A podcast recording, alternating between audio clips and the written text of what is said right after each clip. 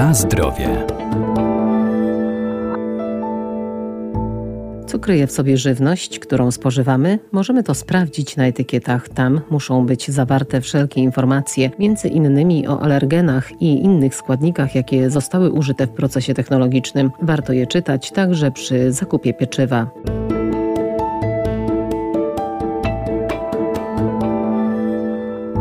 Obowiązkowe na etykiecie są takie informacje jak nazwa wskazująca na rodzaj produktu i wykaz alergenów, który musi w szczególny sposób wyróżniać się od pozostałych informacji, np. zapisany inną czcionką czy kolorem tła. Ważna jest też informacja o wartościach odżywczych producenci muszą wyszczególniać na etykietach wartość odżywczą już obowiązkowo od 2016 roku. Agnieszka Jarosińska, Lubelski Wojewódzki Inspektor Jakości Handlowej Artykułów Rolno-Spożywczych. Jeżeli chodzi o produkty nieprzetworzone, produkty jednoskładnikowe, nie ma obowiązku podawania wartości odżywczej. Przykładem może być tutaj miód. Jeżeli chodzi o produkty, które zawierają w swoim składzie alergeny, należy y, również zwrócić uwagę na te alergeny, które powinny być y, w jakiś sposób wyszczególnione, czyli pogrubione, ewentualnie zapisane y, inną czcionką, tak żeby konsument mógł od razu zobaczyć, że tam są te alergeny. Na etykietach powinny być uwzględnione nie tylko nazwa żywności, ale również wykaz tych wszystkich składników, które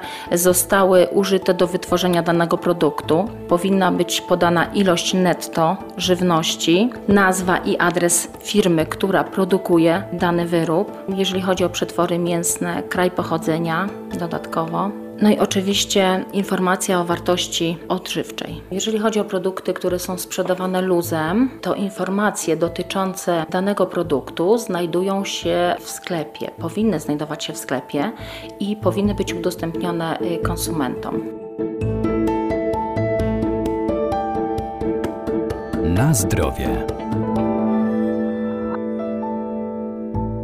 Oznaczenie pieczywa sprzedawanego konsumentom musi zawierać m.in. nazwę rodzajową, dzięki której będziemy wiedzieli z czego wytworzono konkretny produkt, np. chleb wiejski, żytni czy bułka zwykła pszennożytnia. Na opakowaniu pieczywa znajdziemy także wykaz wszystkich składników użytych do produkcji. Na pierwszym miejscu musi być umieszczony składnik, którego w produkcie jest najwięcej. Zgodnie z przepisami prawa do chleba nie mogą być dodawane żadne barwniki. Jedynym takim wyjątkiem jest chleb słodowy, gdzie możemy stosować barwnik, tak zwany karmel, w celu nadania mu ciemnej barwy. Jeżeli producent pieczywa wykorzystuje gotowy półprodukt, np. ciasto mrożone lub ciasto głęboko mrożone, to taką informację powinien podać na etykiecie. Może również stosować różnego rodzaju zapisy, np. bez konserwantów, bez polepszaczy, ale tylko wtedy, kiedy faktycznie tych substancji bądź polepszaczy nie zastosował podczas produkcji. W przypadku pieczywa produkowanego na naturalnym zakwasie, to taka informacja może znaleźć się na etykiecie,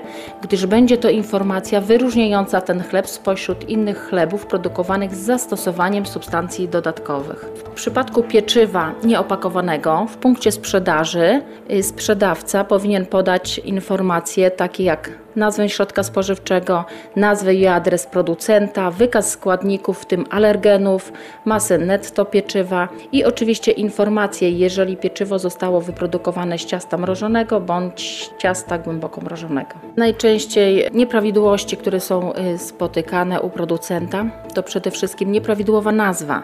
Producenci podają y, na przykład chleb pszenny orkiszowy, gdzie mąka orkiszowa zastosowana do produkcji tego pieczywa znajduje się w mniejszej ilości od pozostałych mąk. Czyli jeżeli jest mniejsza ilość mąki orkiszowej. Taki chleb powinien się nazywać chleb pszenny z mąką orkiszową, ewentualnie chleb pszenny z dodatkiem mąki orkiszowej. Producenci również nie podają procentowej zawartości składnika, który występuje przy nazwie pieczywa na przykład chleb żytni słonecznikowy, producent powinien podać procentową zawartość słonecznika. Chleb żytni razowy, producent powinien podać procentową zawartość mąki razowej, czyli producenci nie są zobowiązani do podawania typów mąk.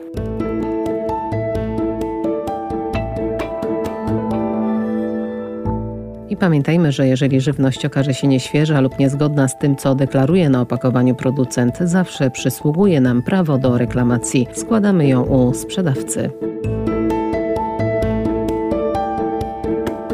Na zdrowie.